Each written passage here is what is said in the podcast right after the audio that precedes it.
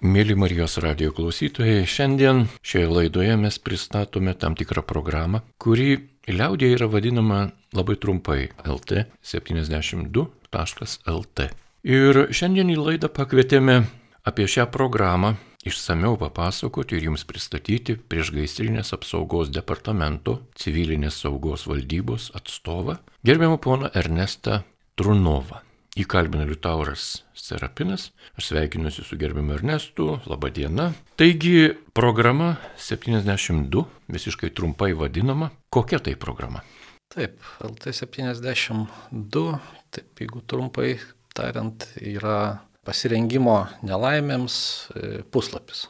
Pavadinimas toks parinktas neatsitiktinai, jisai reiškia 72 valandas arba 3 paras.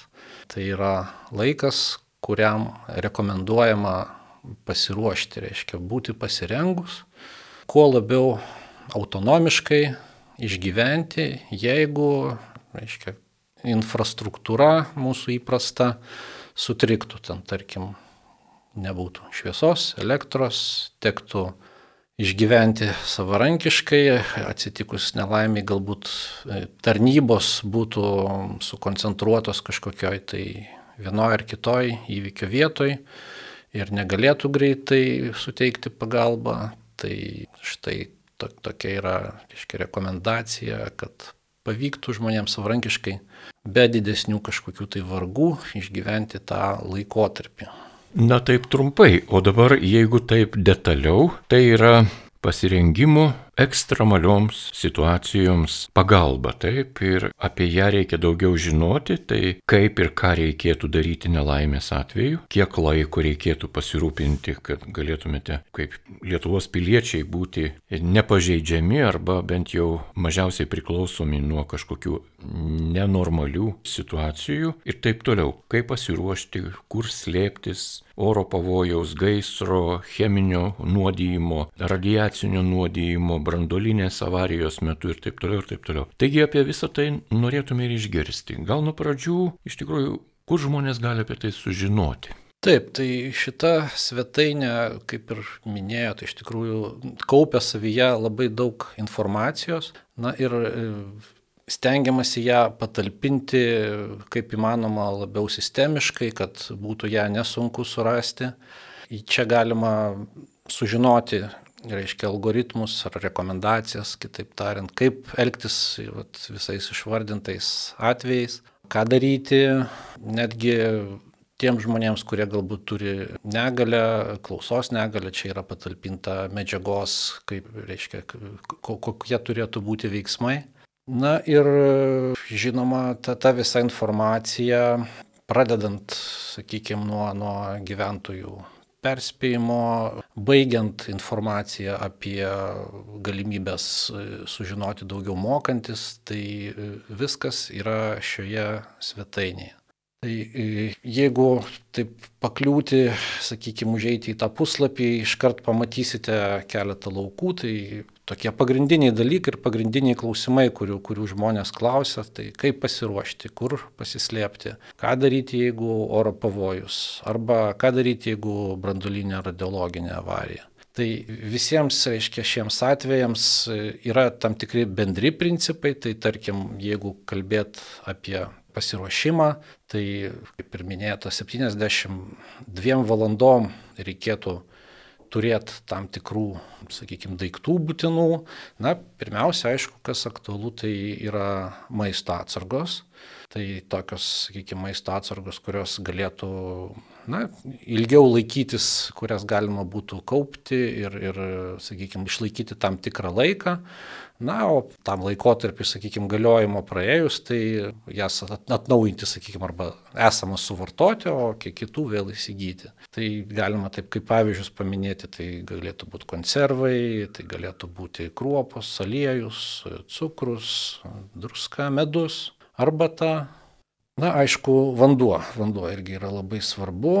Tai jeigu yra galimybės, tai reikėtų jo pasirūpinti, sakykime, kažkur apie 12 litrų vienai parai to vandenuko.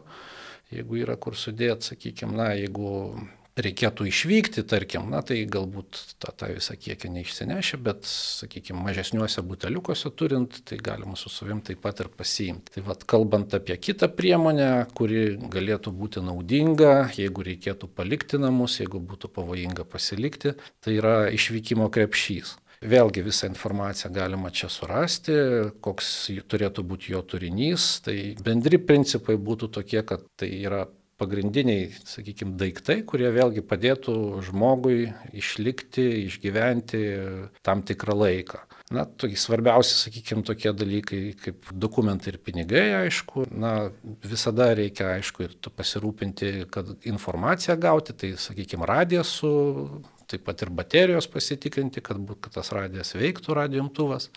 Taip pat tą maistą trim parom reikėtų su savim pasiimti arba būti pasiruošus, reiškia jį pasiimti. Na, tiem konservam atidaryti, sakykime, kažkoks atidarytuvas, vaikams galbūt kažkoks maistas ar žaislai ar knygutės vaikams, jeigu ten reikėtų pabūti kažkur ilgesnį laiką ir kad užimti juos, kad na, ne, ne, nebūtų, reiškia, tokių kažkokių tai neįgiamų nuotaikų. Na, nu, aišku, drabužiai persirengti, tai tam tikrą reiškia, drabužių, sakykime, ten pora, sakykime, patogių batų, ten ar ne, neperšlampam, ar nuo vėjo apsaugantis triukė. Tualeto reikmenys, ten rankšluostis, moilas, dantų šepetėlis, ko gali prireikti atsidūrus e, naujoj aplinkoj. Anklodė galėtų taip pat būti kaukė nuo dulkių, e, paprasta, aiškia, kurią naudojama statybose, tokie respiratoriai. Na, visą tą turinį galima iš tikrųjų susirasti šitoj svetainiai. Ir tada paminėčiau galbūt dar vieną priemonę, kuri svarbi yra, mm, reiškia, šeimoms, tai šeimos planas jinai vadinasi, e, tai tiesiog taip paprastai tariant yra susitarimas tarp e, žmonių, e, artimų žmonių, ką jie darytų, jeigu kažkas atsitiktų. Tai, sakykime, kaip jie susisiektų, kur jie susitiktų, ką jie darytų.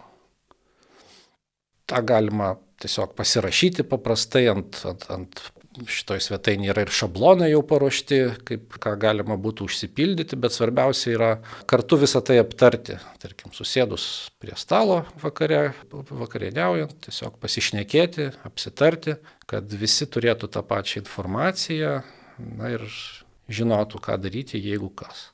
Mėly radio klausytojai, jūs girdite laidą, kurioje jums priešgaisrinės apsaugos departamento civilinės saugos valdybos atstovas Ernestas Trunovas pasakoja apie programą LT 72. Gerbiamas Ernestai, jūsų pradėtas pasakojimas tikrai yra, yra labai svarbus ir be galo, be galo reikalingas šiuo metu iš anksto žmonės informuoti, kad jie kuo daugiau būtų pasiruošę tai X dienai, kokia jį bebūtų. Ar būtų potvinis, ar būtų gaisras, ar būtų atominis kažkoks tai incidentas, ar būtų cheminis kažkoks tai užkrėtimas, ar būtų karas, invazija.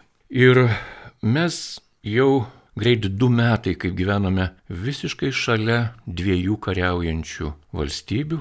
Na, gal jų yra ir daugiau, bet nu, faktiškai įvardina kaip dvi visas pasaulis. Ir mes matome ir girdime iš tų valstybių žmonių, na, tokį visai, galima sakyti, praktišką išgyvenimą. Jūsų pateiktas planas, jisai toks labai lyriškas, toks labai švelnus. Ten girdime visai ką kitą, radikalų. Vanduo šalia vandens iš karto yra sakoma, kuo stipresnis alkoholis, spiritas reikalingas būtų. Jeigu dokumentai ir pinigai, tai jokių būdų ne kortelės, ne kažkokie tai išperkamieji lakštai ar obligacijos, o grinieji pinigai ir smulkus grinieji pinigai. Jeigu vaistai, tai antibiotikai, stiprus raminantieji, visokie kraujavimą stabdantis, apsinuodijimą mažinantis vaistai. Jeigu kalbame apie būtį, tai turėti atsargų benzino, dizelio, jeigu galima turėti akumuliatorių, būtinai turėti radio imtuvą, kuris dirba ne nuo tinklo, o nuo baterijų. Būtinai turėti kažkokį tai tašką susitikimo, kur visa giminė artimieji draugai žinotų, kur galima būtų susitikti ir taip toliau, ir taip toliau. Du jo kaukė. Ir visa tai, ir visa tai. Ir žinoma, turbūt turėtume taip atvirai ir kalbėti apie tai, kad nenumatyta bus daugiau, negu kad mes galime numatyti, bet reikia ruoštis. Jūs kaip specialistas į ką ypatingai atkreiptumėte dėmesį, ko žmonės na, mažai akcentuoja. Jūsų išvalga. Šiuo metu iš tikrųjų akcentuojama yra daug įvairių dalykų. E, kalbam apie tokią jau kraštutinę grėsmę, tai pirmiausia, aišku, kas rūpi žmonėms, kaip išsaugoti gyvybę, na, tada jau sveikatą, tada jau turtą. Tai jau tokie nerimo, sakykime, ženklai, kurie pasirodė ten, sakykime, 2014 metais, kai buvo, buvo pradėta jau kalbėti apie poreikį galbūt e, gražinti ar, ar, ar, ar sakykime, kažkaip organizuoti daugiau tų vietų, kur žmonės gali pasislėpti, tai dabar tas ypatingai yra aštru ir aktualu. Na ir e, iš tikrųjų ta kryptimi ir, ir stengiamasi, reiškia, dėti tas pastangas, e, parinkti būtent daugiau tokių vietų, kur e, žmonės, sakykime, galėtų pasislėpti karo, karo atveju, esant oro pavojui, kažkokiam te antpoliui, reiškia. Tai kalbame šiuo atveju apie taip, taip vadinamasis priedangas. Tai saliginai yra naujas terminas, kuris atsirado galbūt prieš, prieš metus, kai, kai na, buvo su, įvertinta, taip sakykime, kad esama, sakykime, kolektyvinės apsaugos e, strategija, jinai reikalinga arba efektyvi yra e, būtent taikos metu, o jeigu jau pradedam ruoštis, sakykime, tokioms kariniams grėsmėms, kas, kas iš tikrųjų palyginti, palyginti nauja, žiūrint į, į ilgia, ilgalaikiškesnę perspektyvą, tai, tai iš tikrųjų ta, ta infrastruktūra labai labai visiems e, rūpi. Na ir e, iš tikrųjų tokių, tokių sakykime, priedangų parenkama ir, ir atsiranda vis daugiau. Taip pat mūsų puslapyje galima šios informacijos e, rasti, yra interaktyvūs žemėlapiai ir, ir šiuo metu galima pasakyti, kad apie 30 procentų gyventojų tų priedangų yra parinkta. Na, žinoma, tai yra kol kas dar nepakankama, tikslai yra didesni, tačiau norėčiau šioje vietoje pažymėti, kad iš tikrųjų tokio vat, pavojaus, staigaus pavojaus, oro pavojaus atveju reikėtų pasinaudoti ir artimiausią, sakykime, taip esamą infrastruktūrą, kuri yra daugiau mažiau tvirta ir gali apsaugoti nuo smūgio bangos, nuo skeveldrų ir panašiai. Tai kalbam apie rusius, aišku, geriau, kad tvirtesni rusiai su perdangom ir panašiai, kur mažiau langų arba tie langai yra nedideli, kuriuos ten galima prireikus smėlio maišais uždengti ir panašiai. Tai vat, viena, viena iš tokių priemonių. Kita priemonė, aišku, yra na, pati informacija ir žinia, ką daryti. Jeigu tai atsitiktų, tai, tai vėlgi pakankamai nauja, sakykime, taip ta informacija. Jeigu tas karas atsitinka, na, matom iš, iš spaudos, iš žiniasklaidos, kiek pavojų atsiranda kai, kai ta, tas karas priartėja prie, prie civilių gyventojų. Tai, nu, iš tikrųjų, pirmiausia, tai efektyviausia priemonė tokiu atveju yra evakavimas ir, ir reikėtų būti, sakykime, tam pasirengus, jeigu tas karas priartėtų ir, ir pasitraukimas iš karo veiksmų zonos civiliams gyventojams. Tai būtų tokia pirmo, pirmo, pirmoji, sakykime, priemonė efektyviausia. Tas pasitraukimas vėlgi vyktų pagal, pagal situaciją, tą viską reikėtų vertinti, kas turėtų galimybę kažkur tai persikelti savarankiškai, kas neturėtų, na, tam numatoma kita kolektyvinės apsaugos priemonė, tai kolektyvinės apsaugos statiniai.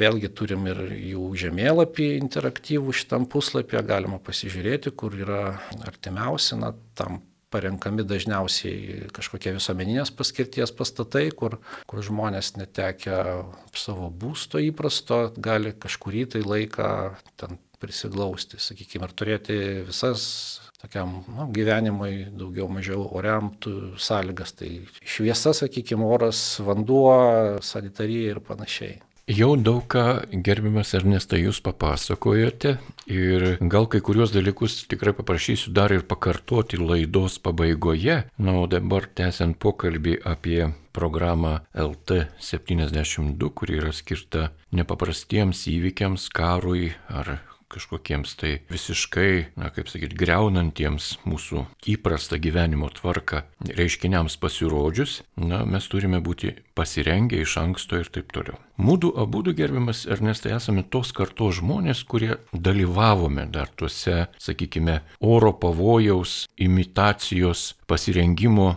įvairiausiuose darbuose sovietinės okupacijos metu, kai buvo šaltojo karo epocha tarp Tarybų sąjungos ir NATO, tai tikrai mokykloje moksleiviai studentai ir gamyklos nuolat staugdavo sirenos ir darbuotojai nutraukdavo darbus, būdavo mokymai, būdavo net etatiniai darbuotojai civilinės gynybos, netgi institutuose mokantis buvo speciali disciplina civilinė gynyba ir ją reikėjo išmokti. Aišku, buvo ne egzamino tvarka, užteko tik tais įskaitą gauti, bet tokia buvo. Dabar matome, kad mes jau esame NATO ir Tarybų sąjungos nebėra ir nebėra tokių mokymų. Ir paradoksas, mes turime patirtį, žinome, ką reikėtų daryti, tikrai prisimintume, Bet ką daryti su ta nauja, jaunaja karta žmonių, kurie, na, žinot, daugelis matome gatvėje, jog jaunimėlis vaikšto net ir žiemos metu su sporbatukais vasariniais ir plasmasiniais rubeliais. Jie visai kitaip gyvena, kitaip supranta. Jiems atrodo, kad nu, ateis kažkokia tarnyba, įsijungsi telefoną ir tau bus pasakyta, kur eiti, ką daryti. Bet mes tai vyresnėliai žinome, jog gali ir telefonai neveikti. Ir gali būti, kad nebus kam ir kalbėti, nebus kam net ir klausytis. Ką jūs patartumėte jaunos kartos žmonėms arba tėveliams, kurie augino jauną kartą, močiutėms, seneliams, kurie prižiūri savo nukėlius? Kaip reikėtų juos paraginti rimčiau pažiūrėti į tokias grėsmės? Ir apie tą vadinamą pasirengimą, pasiruošimą, atsargų sukaupimą.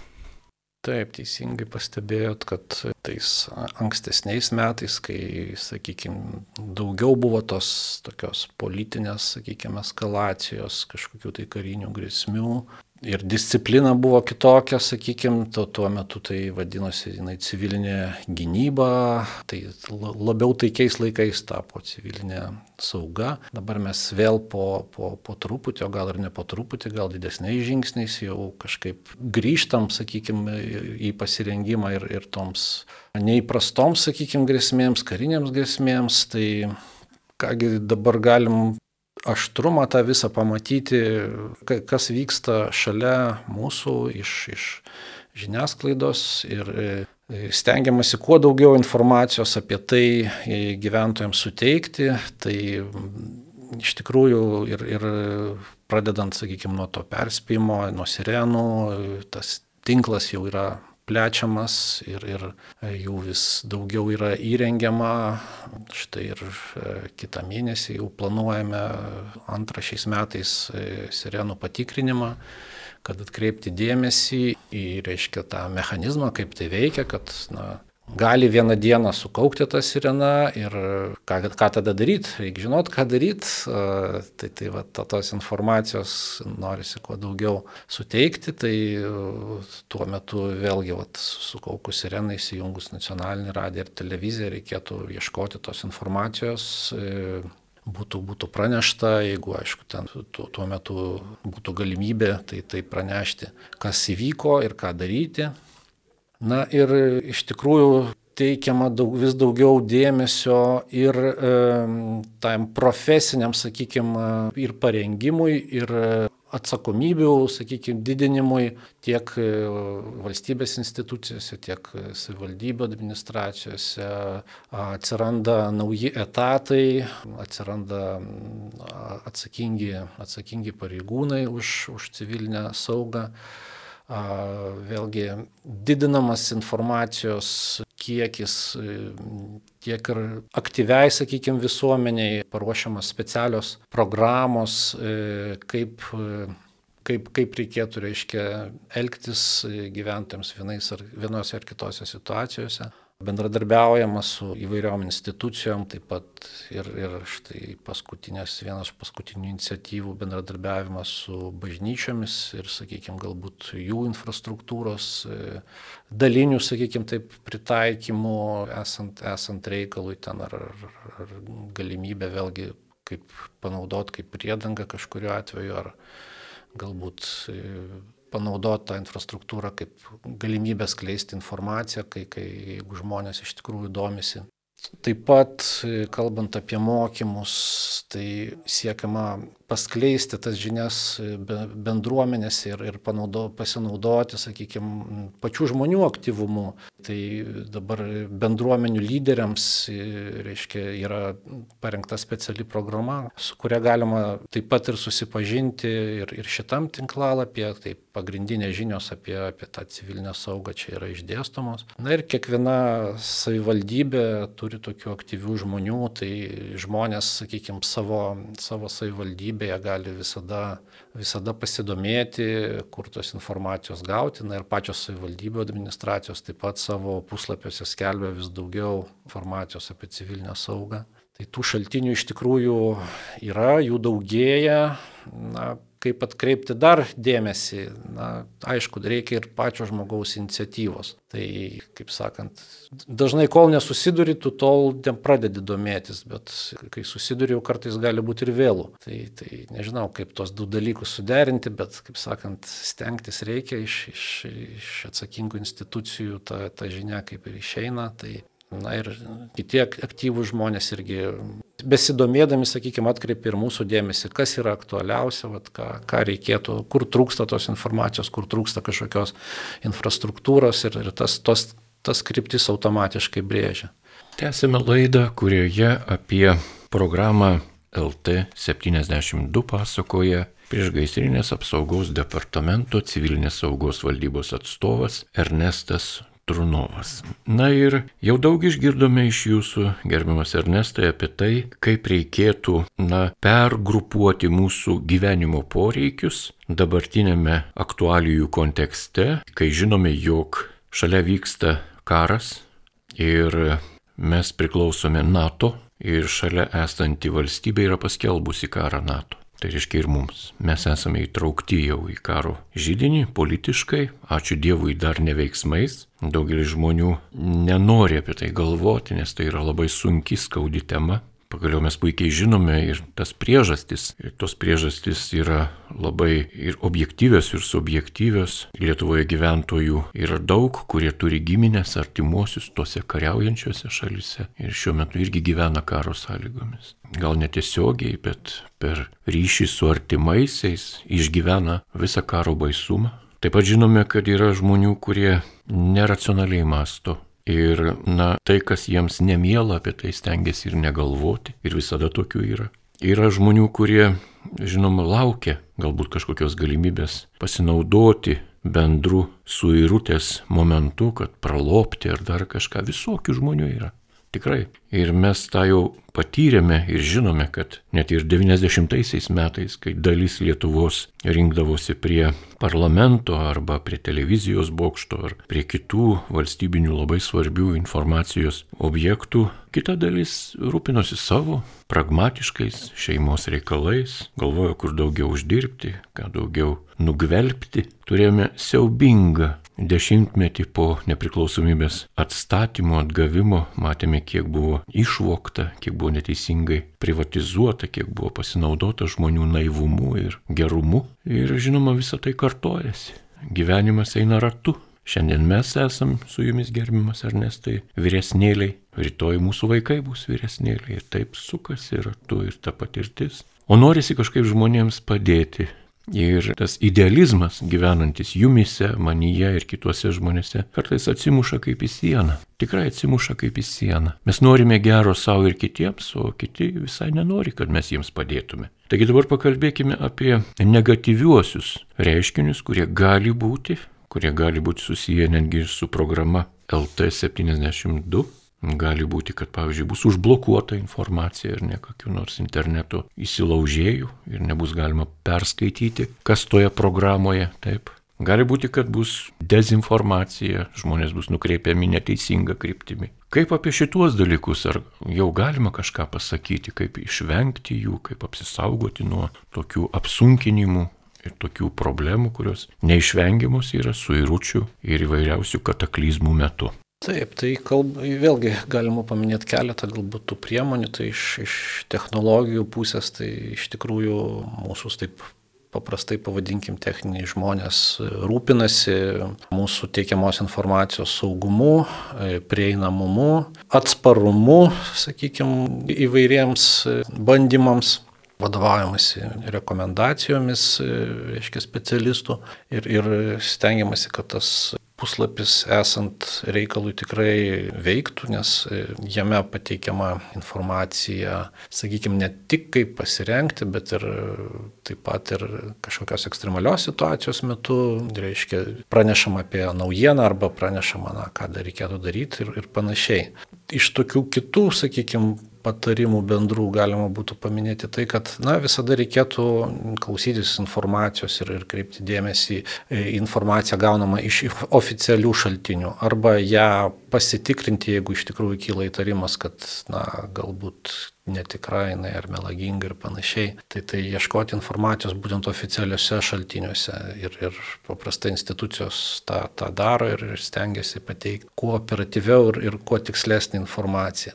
Dabar vėlgi, jeigu kažkurioje tai vietoje, sakykime, nutrūktų tas ryšys, o, o žmonėms būtinai reikėtų perduoti kažkokią svarbę, svarbę žinią, tai tas būtų daroma per specialiasias tarnybas, kurios, sakykime, toj gyvenamojo vietoviai e, betarpiškai žmonės informuotų tiek fiziškai, sakykime, tiek galbūt su įgarsinimo įranga pasinaudodami kur yra įmontuota jų automobiliuose. Panašiai. Na, o tokia įprasta, sakykime, infrastruktūra gyventojams informuoti, atkreipti jų dėmesį apie nelaimę, tai yra jau mūsų minėtos sirenos, taip pat perspėjimai į mobiliuosius telefonus siunčiami. Na, tada to, tokiais atvejais vėlgi gyventojas turi įsijungti nacionalinį radiją, televiziją, išklausyti informacijos, arba radiją taip pat įsijungti, išklausyti informacijos ir vadovautis, vadovautis tais nurodymais. Ar yra numatyta, kad, na, žinome, antro pasaulinio karo metu, pavyzdžiui, gerbiamas Ernestai, mes iš tėvų pasakojimų dar atsimename, jog būdavo, važiuodavo automobiliai, kurie turėjo savo garsiakalbius ir tiesiog skelbdavo, ką reikia daryti arba ko nedaryti. Ir tai buvo, aišku, ir propagandos instrumentai, bet buvo taip pat ir kažkokio valdymo civilių ir taip toliau ir taip toliau. Jeigu tikrai nebus elektros ir trečią dieną jau bus išsekę visi baterijų prietaisai mobiliuose ir galbūt net radio imtuvuose, trečią parą gal yra numatyta, kad tokie automobiliukai kažkur pasirodys ir taip valdys žmonės tą situaciją. Taip, tai, tai vadinama, sakykime, pasiuntinių, reiškia, teikiama informacija, tai tie, tie pasiuntiniai, sakykime, taip liaudiškai labai skamba, bet tai, tai būtų specialių tarnybų pajėgos atvykstančios į, į, sakykime, įvykio vietą ar į tą vietą, kur yra aktualu perspėti ir informuoti žmonės, jie turi ir tą įgarsinimo įrangą paprastai, su kuria galėtų būti ta žinia perdodama.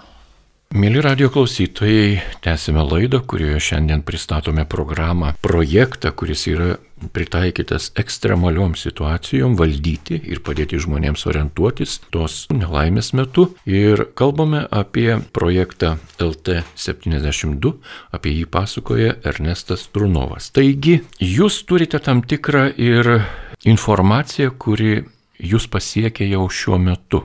Informacija bendra, apie kurią, žinoma, eilinis žmogus, eilinis pilietis ir nežino ir neturi žinoti. Ir kokius jūs šiuo metu apžvelgtumėte probleminius šios programos vykdymo momentus, kas, sakykime, dar netinkamai veikia, į ką reikėtų atkreipti dėmesį, o galbūt ir gauti pagalbos iš visuomenės, iš specialistų ar ko kito, kaip konsultacijų gal, o gal ir realios pagalbos. Gi puikiai suprantame, kad įvykus nelaimiai mūsų pačių saugumas visų pirma yra mūsų rankose, mūsų pačių rankose. Niekas neteis iš šalies ir už kasų neištrauks iš kažkokio dumblyno ar, ar, ar gaisro pelenų. Reikės pirmoji vietoje reikės patiems stengtis. Tai ir dabar norime patys prisidėti prie visų tų darbų ir kaip jūs, na, gal turite kokios informacijos, kur reikalinga yra pagalba.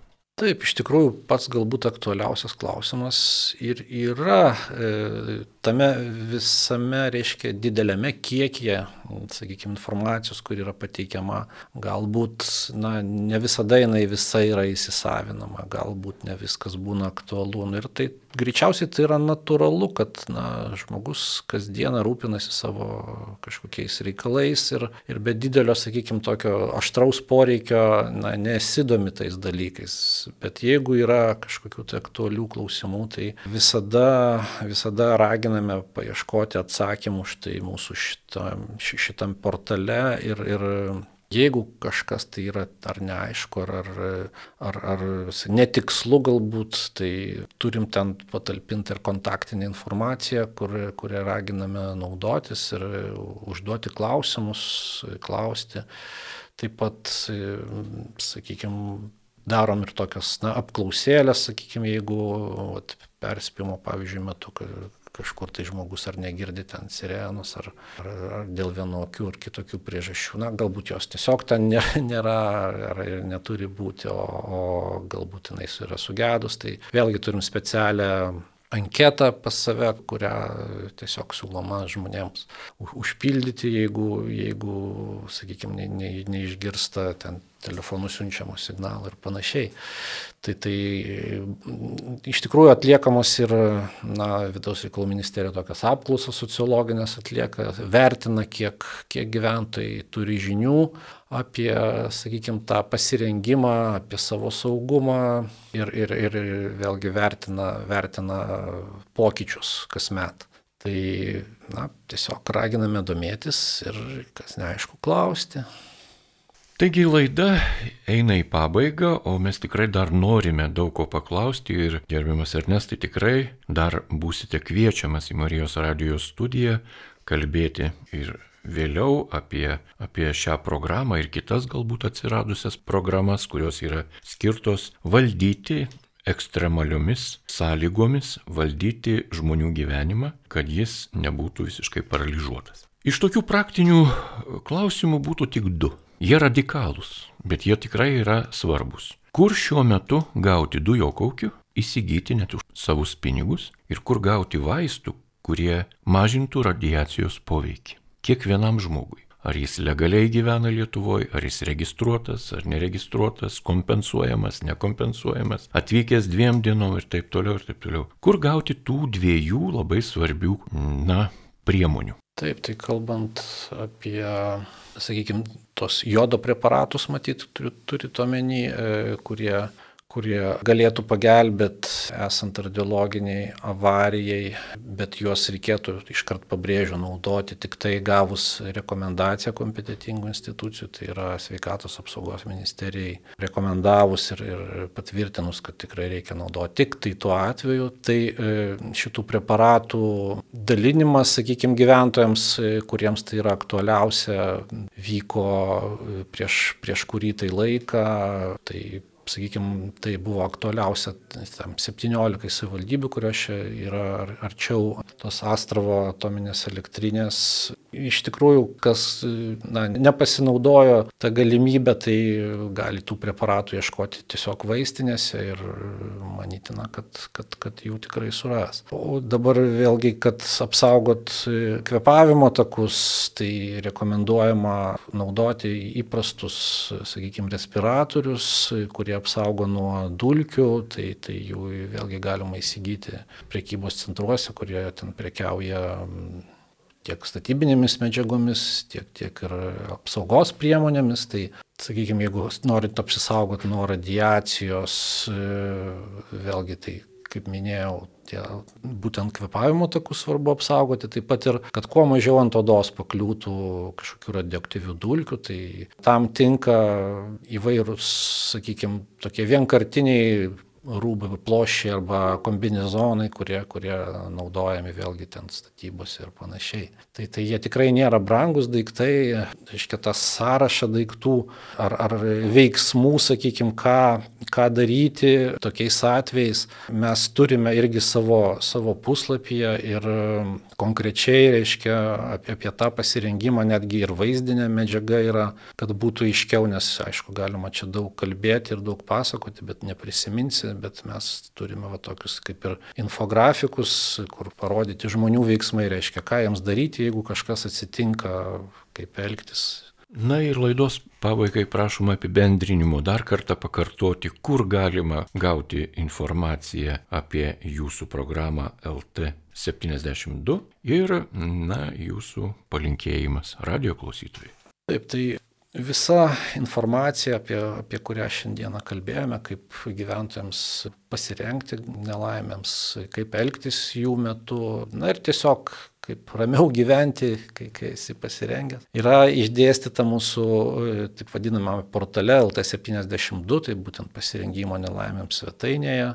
Joje rasite informaciją pradedant perspėjimu ir, ir, ir baigiant informaciją, ką reikėtų žinoti, norint pasiruošti.